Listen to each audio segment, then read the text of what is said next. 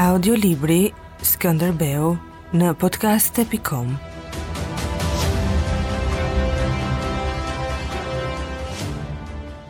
Pjesa e dytë Kapitulli i gjashtë Shi e Baltë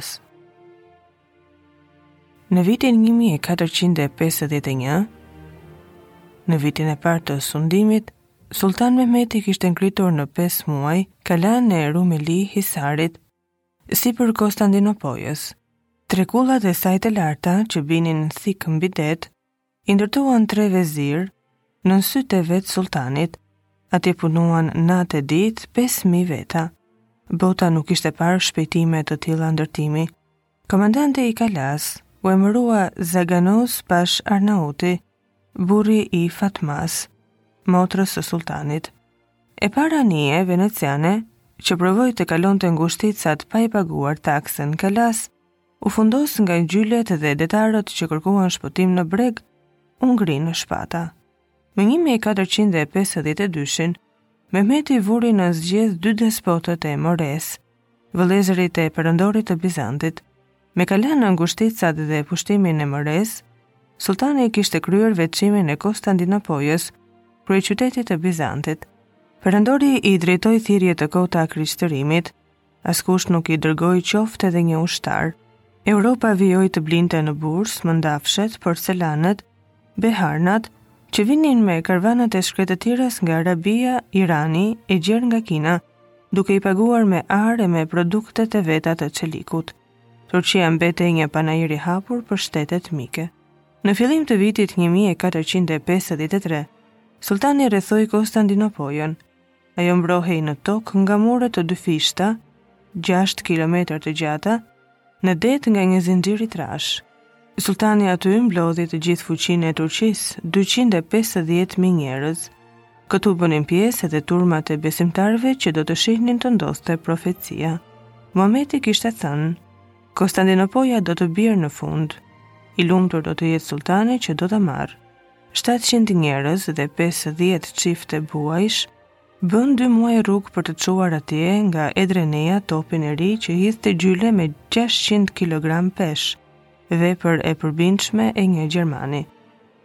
Sulltani i ri u soll tre muaj rreth qytetit që dukej i paprekshëm dhe mënjanoi zinxhirin duke i shtyrë anijet e veta nëpër një rrip toke, që e shtroi me zift e me gjethe, ndërsa portën lindore e goditi me topin e madh.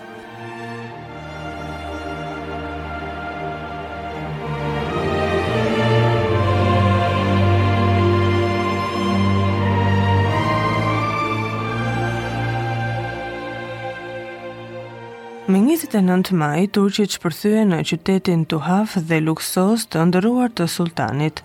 Paniku dhe habia zotëruan Europën.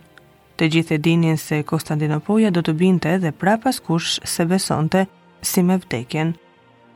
Tani ajo kishte rënë dhe ishte ngjarja më tronditëse që nga koha kur Atila pushtoi Romën. Mehmeti që aty e mbrapa do të merrte nofkën pushtuesi. Tha se Aleksandri i Madh ishte nisur nga Perëndimi në lindje për të vendosur perandorinë botërore. Ai vetë, Mehmeti, do të nisej nga drejtimi i kundërt. Kush ishte ky djalë aziatik që i mashtroi të gjithë gjatë dy vjetëve dhe që doli papritur në udhëkryqin e botës? Ai ishte lindur nga kadën, bijë e Abdullahut të panjohur. Meqë Abdullahu s'kishte mbiemër, merret vesh se kadëna ishte bijë e një të krishteri. Kur ishte dy vjeç, djali u dërgua për edukim në Amazi, qytet i bukur i Anadolit. Në gjashtë vjeç ishte emëruar qeveritar i atij qyteti. Ai ishte djali më kokëshkret, Hider Çelebiu, mësuesi, kërkoi leje nga sulltani Të përdorte kamxhikun për t'i futur në kokë djalit Kuranin. Dhe ndërsa mësuesi ia ngjeshte brinjve me kamxhik, djali thoshte nëpër dhëmbë se profeti ishte batakçi dhe hajdut, dhe se do t'i damkoste varrin kur të pushtonte Mekën. Kur erdhi koha që djali të bëhej sulltan, njeriu që nderonte më tepër ishte ky Hider Çelebiu. Djali kishte sy të ftohtë si vdekja dhe një natyrë të mbyllur që nuk dihej kur dhe pse shpërthente. Nganjëherë mbyste njerëz me duart e tij. Këto mësuan në Europë rreth fëmijërisë së pushtuesit.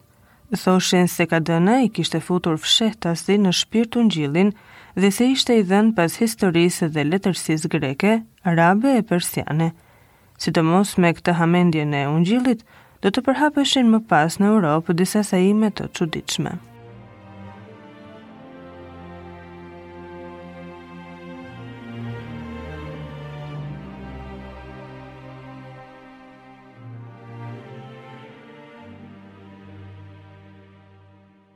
Nga Vatikani u lëshua një bulë papnore sa për të larë fytyrën nga një kryqëzatë kundër Turkut, duke përmendur kryqëzatën e katërt të 250 viteve të shkuara që çliroi Konstandinopojën.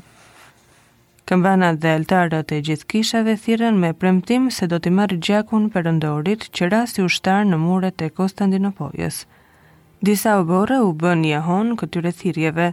Zërat ngriheshin në Perëndim, po zemrat qanin për Detin e Zi që u bë një liqen i mbyllur i pushtuesit dhe për tregtinë e lindjes, burim lumturie i tregtarëve, që ra brenda një nate në prehrin e tij.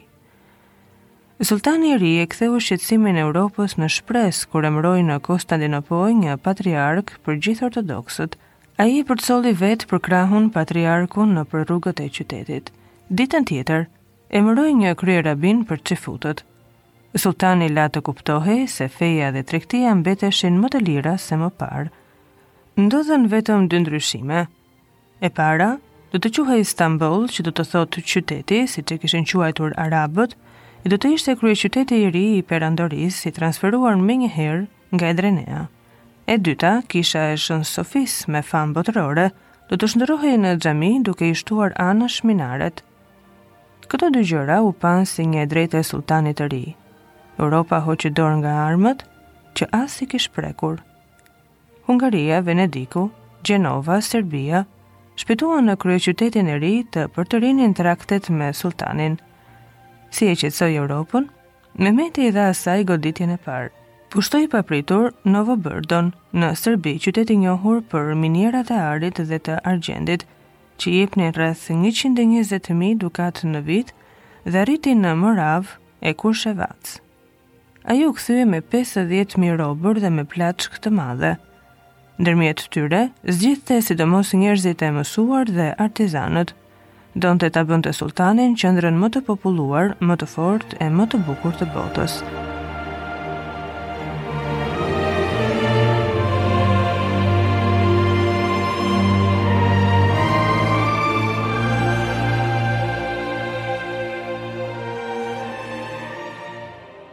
Me këtë sulm të befasishëm, Mehmeti vuri në provë vullnetin dhe fuqinë e Europës për të kundërshtuar.